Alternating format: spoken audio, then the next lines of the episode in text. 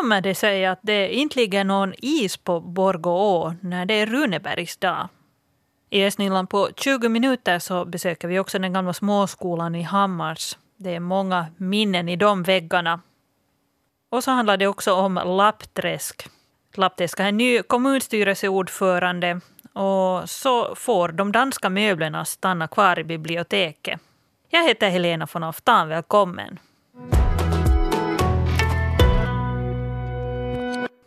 Oj, det är ganska, ja det är inte kyligt tycker du? Nu tycker jag det är så här när det har inte vinden har inte tagit på här nu ordentligt så det, det går. Det här säger Egil Gren som har koll på vädret om någon i Borgo. Ja Egil, vi står här vid Gamla bron i Gamla stan i, i Borgo, ser ut över Borgo å.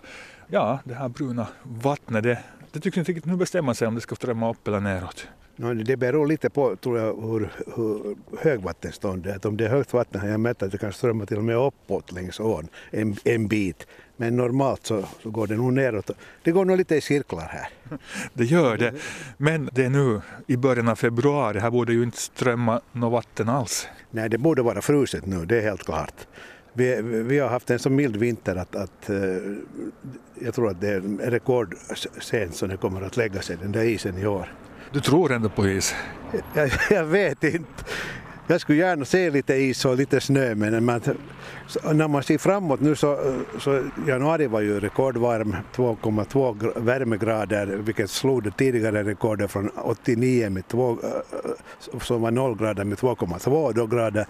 Nu ser det ut som om det skulle vara en fyra, fem dagar vinter med, med kanske 6, 7, 8, 9 grader på natten och minusgrader på dagen. Sen ser det ju igen ut som det skulle slå om till plusgrader så, så vet fan. ja, oj, oj.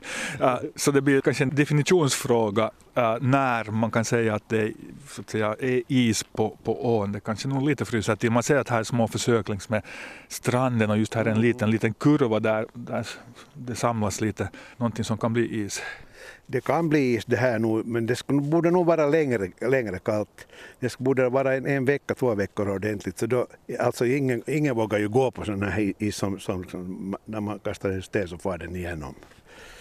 Nej, det ska man absolut inte göra. Vad tror du, vad berättar den här isfria ån åt oss? No, den berättar väl nog egentligen det, det som vi nu alla är lite rädda för att, att eh, det här Eh, uppvärmningen i naturen den, den, är ett faktum och det kommer att kanske bli det, det normala det här. Kanske inte genast men att så småningom så, så kommer vintrarna att bli varmare och det har jag ju redan märkt på min, när jag har 45 års eh, erfarenhet att gå tillbaka på att räkna medeltalet för vintrarna eh, från 1975 till 2000 så då var det till exempel för februari var, var det 5,9 grader under den tiden och från 2000 till 2020 var det 4,4 så det hade kastat redan 1,5 grader. Så det, det, det händer nog någonting hela tiden. Och du talar här om, om minusgrader? Minus, minusgrader är ju alltså minus 5,9 och minus 4,4 det är det för februari. Det är det där vad det har varit medeltal för beräknat från olika år framåt. Men nu, var det, nu ser det ut att bli kanske på plussidan. Vad sa du till för vind? Det är nordväst. Vi står här på fördäcket i JL Runeberg och tittar ut över Borgå å. Uh, ni ska fira Runebergsdagen här med, med kaffe och Runebergstårta och förstås Ted Lönnros. Uh, äh, har ni någonsin firat det utan att ha is här på ån? Inte vad jag kommer ihåg, nej. Och det, där, eh, det var nog rätt så vanligt förr att de kom hit med snöskotrar här till sidan. Men som du ser idag så ska det vara vattuskoter. Jag talar här nyss med äh, väderentusiasten mannen Egil Gren som följer med vädret i Borgå hemskt så här dag för dag mycket noggrant. Uh, han var nog så här förundrad över den här vintern och, och just i situationen här på ån. Hur är det med dig? Jo, jag tror inte vi är ensamma om den saken. Det är nog rätt så många nu som fascineras över den här situationen lite is ser man här att det nu bildas så här, ja, kan man kalla det här nu is som vi ser här efter Alexandersgatans bro? Jo, jo, kan man det för fåglarna kan riktigt bra landa här utan att bli våt om tassarna. Men något pilkare vågar sig väl inte ens ut på det här? Inte sett av dem och, och skulle de ha varit så skulle man nog ändå inte se dem. De skulle ha sjunkit? Absolut säkert. No, men Dion, ni har haft is här vid ån. Hur är det för ett fartyg av, av den här kalibern med is och, och att ligga här under vintern? Eh, no, problemet är det att om det blir tjock is och mycket vattenhöjningar och sänkningar så man, man ska se till att man tillräckligt långt ut bara isen så går det alldeles utmärkt. Har ni haft problem någon vinter? Eh, ja, no, vi har haft att vi har varit lite för sena med att skuffa ut och, och det beror på det att eh, man har väntat på hårda vindar och då vill det inte hållas där ute. Och sen har man väntat lite för länge, sen har det hunnit frysa igen. Så det är nog alltid ett buggar med det där. Men nu i år har vi inte väntat på någonting. Och vad tror du, blir det redig is här mera? Nej, jag tror det blir redig is, men, men nu kommer det den här veckan tror jag nog det blir så gott som heltäckt med is. Men den är väldigt tunn, så det är nog inte gå ut ännu på en tid.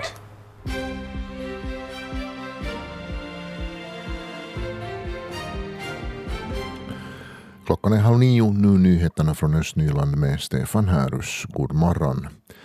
I vår börjar planeringen av Nickby centralpark. Till centralparken hör parkområdena och sandplanerna i närheten av Nickby hjärta och parken bakom huvudbiblioteket i Nickby. Målet är att centralparken ska vara klar år 2022. Som en del av projektet testar Sibbo kommun nu en modell där invånarna aktivt får delta i planeringen, diskussionen och beslutsfattandet kring parkbygget.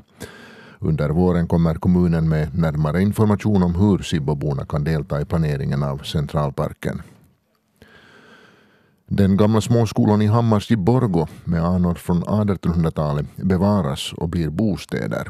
Planutkastet för tomten med den gamla småskolbyggnaden gör det möjligt att renovera skolan till bostäder och att bygga tio små minihus.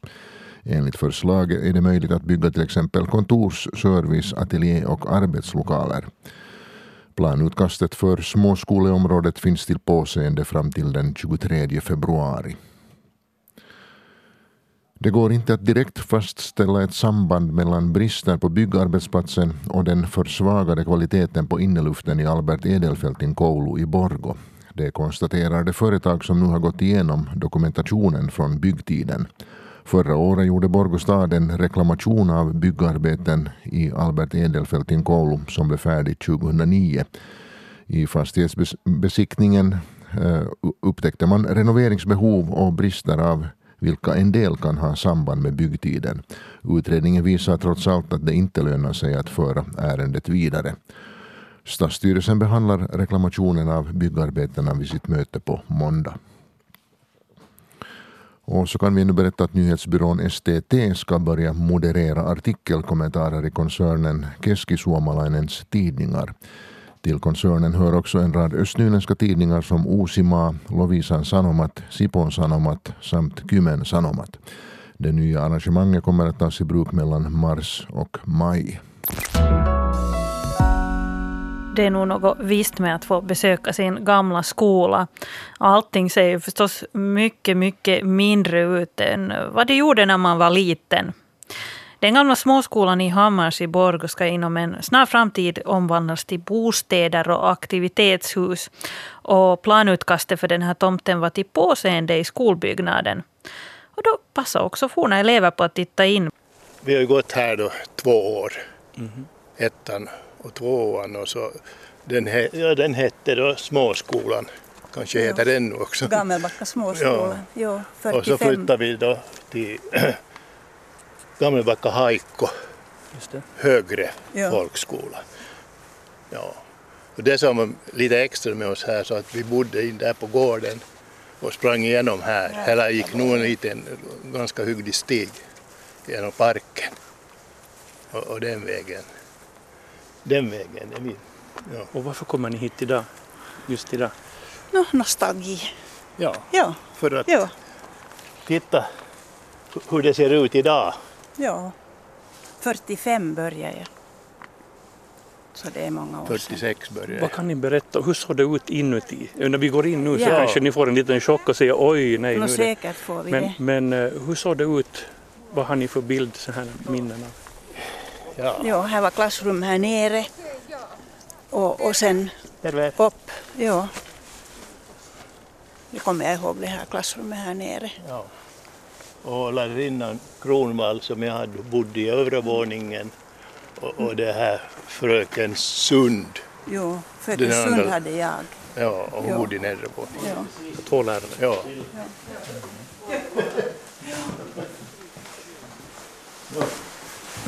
Ja, ja. ja. Ja.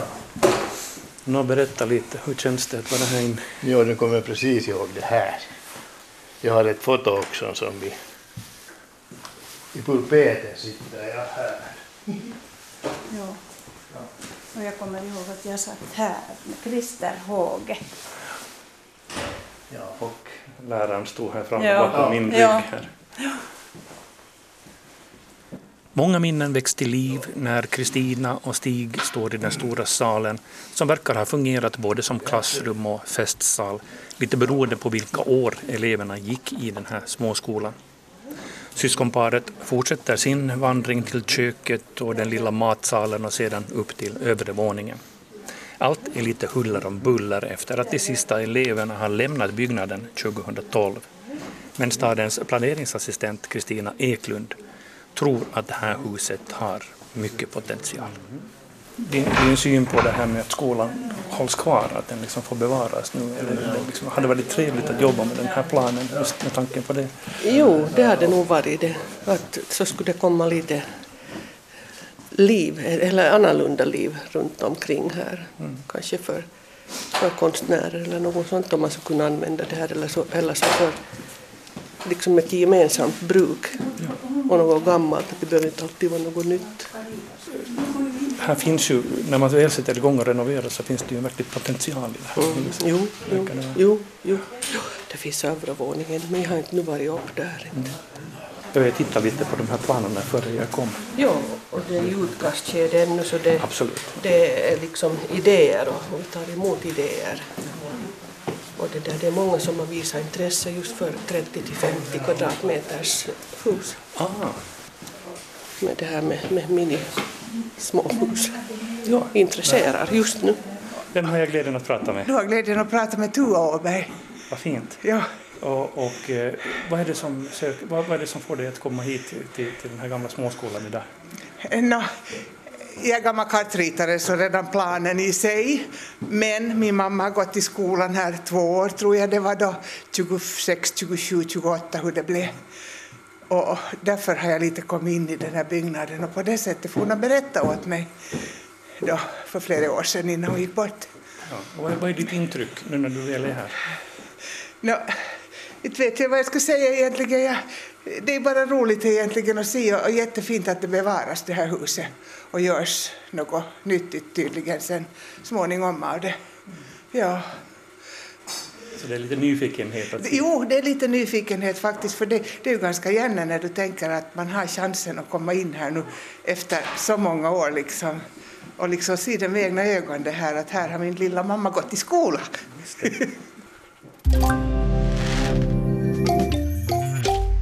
Som vi berättade förra veckan så är SFP-aren Kim Jordas ny kommunstyrelseordförande i Lappträsk. Han valdes av fullmäktige till posten eftersom tidigare styrelseordförande Kristoffer Hellfors flyttat till Sibbo där vid årsskiftet. Eh, jag har nu ringt upp eh, Kim Jordas. God morgon på dig. God morgon, god morgon. Eh, hur känns det att ta över så här som kommunstyrelseordförande i Lappträsk mitt i mandatperioden? Nå, uppgiften är ju inte, inte främmande för mig för att jag har ju varit för, för drygt tio år sedan senast också styrelseordförande. Så på det sättet är det ju en rätt bekant uppgift. Men, men förstås så har vi ju utmaningar framför oss så, att, så på det sättet så, så blir, det ju, blir det ju utmanande. Vilka utmaningar ser du framför dig där i den posten? Nå, nu är det ju de här normala som, som små kommuner och landsbygden överhuvudtaget har, så det är ju befolkningsminskningen och, och ekonomin och, och, och, förstås har vi en, en, en gång social och hälsovårdsreformen framför oss. Så att, ja, vi får ju hoppas att vi får, får komma till, till, till ett slut med den äntligen. Ja, det är ju många kommuner som undrar just vad det händer efter vårdreformen. Eh, hur, hur, ser du på möjligheterna för Lappträsk att fortsätta som självständig kommun här under de närmaste åren? No, det utgår vi ifrån ifrån, ifrån förstås. Men att, men att man vet ju aldrig att hur, hur också staten, staten tänker, tänker gällande de här frågorna, så man vet ju aldrig vad som kommer att hända. Det är ju en, en, en stor bit av, av utgifterna som, som försvinner i och med social hälsovårdsreformen, om, om vi kommer till ett beslut där. Men andra sidan vet vi inte då heller att, att hur, hurdana inkomsterna kommer att vara efter det. Så, så det finns ju många öppna frågor. Mm. Eh, du har alltså tidigare varit kommunstyrelseordförande där i Lappträsk. Eh, vad har du för erfarenhet från den tiden som, som du nu kan hämta med dig? No, problemen är ju ganska lika. Inte det ju i, i grunden ändå så mycket att nu var det ju samma, samma, samma frågor som vi då också ältade med. Att, att ekonomin och, och, och servicen, att, att inte det är så stor, stor skillnad på det. Förstås är det ju lite nya människor nu, nu, nu jämfört med då, men att, men att ungefär den här grund, grund, grunden är i alla fall rätt lik. Ja, Kim Jordes, har du, har du redan hunnit sitta som ordförande vid något möte här? Ja, vi hade i måndags det första mötet. Danska designmöbler det har skapat en hel del känslor i Lappträsk där det finns sådana danska designmöbler i biblioteket. Och här på hösten så var det stor diskussion om dem. Eh, biblioteket skulle förnyas och bildningssektorn i Lappträsk ville göra sig av med de här möblerna som eh, kommunen har fått som gåva från en vänort i Danmark. Men det här ville inte alla Lappträskbor. Bland annat handlar det om sådana här eh, röda ländstolar som väldigt många vill ha kvar där. Och I ett invånarinitiativ eh, krävde 25 lappträskbor att de danska gåvomöblerna ska bevaras i biblioteket. Och det ska de nu få göra, så här berättar bildningsdirektör Pia Aaltonen. No, det har hänt äh, inte någonting just nu för möblerna så att de finns ännu där i biblioteket och äh, Lappträsket, eh, så kallade danska möblerna, de, är, eh, de var i donation av den dåvarande orten Alleröd eh, tiotals år sedan. Men de är jätteviktiga för Lappträskborna och så vi vill utveckla vårt bibliotek och fortsätta utvecklingen efter barnavdelningen har nu gjort. Så så det, den, den hör till årets 20 uh, verksamhetsplan att, att utveckla bibliotek också för andra åldersgrupper. Och i den här planen då så är alltså de här möblerna då en del av den? Jo, det är de. Men på hösten var ju då en del kommuninvånare där i Lappträsk oroliga att de här möblerna skulle försvinna. Är det nu tack vare de här invånarna som, som de här möblerna får stanna kvar? Jo, allt är tack vare för, uh, vår, uh, våra invånare för att uh, vi, har, vi, vi pratar tillsammans och vi vill utveckla kommunen tillsammans och därför Lappträsk är så kallad uh, människoorienterad kommun. Vi gör allt tillsammans. Mm. Nå, hur framskrider nu då det här arbetet med att hitta rätt plats för de här möblerna där inne i biblioteket? No, det behövs nog att, att göra mera planer och det har vi för året. Så att det, det ska vi börja och sen att utarbeta planer eh, för hela biblioteket. Hur är det? Jag läste en sån sak att, att Runeberg han lär ha börjat morgonen med en tårta och en snaps. Hur är det med dig? Tycker du det här är lämplig tid att öppna tårtpaketet och se vad där finns? Nå, vissa kanske tycker det, men jag måste kanske vara lite hednisk här nu och säga att jag tycker inte om Runebergstårtor, så jag brukar faktiskt inte äta dem.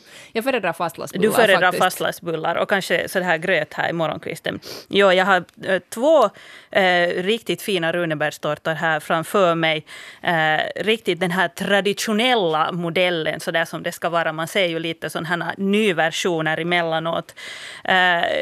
jag var nu mycket noga med att hitta faktiskt en lokal bagare. Eh, Fredrika, tycker du det är någon skillnad att, att görs Runebergstårtan i Borgå eller annanstans? No, för mig är det kanske inte så stor skillnad, eh, just i och med att jag inte brukar äta dem. Men jag vet ju att det är många som känner väldigt starkt för det här med Runebergstårtorna och deras ursprung och hur mycket sprit de ska ha i sig och vad det ska vara för sylt och, och hur de ska se ut och, och så här. Så att det, där, det finns kanske sådana som tycker att, att den enda rätta Runebergstårtan är bakad i Borgå. Ja, jag, jag åtminstone tycker att, att eh, det får gärna vara en sån här traditionell modell, men jag har nog prövat lite de här nya också. Mm. Mm. Riktigt gott. Östnyland på 20 minuter är en svenska yle podcast Jag heter Helene von Oftan.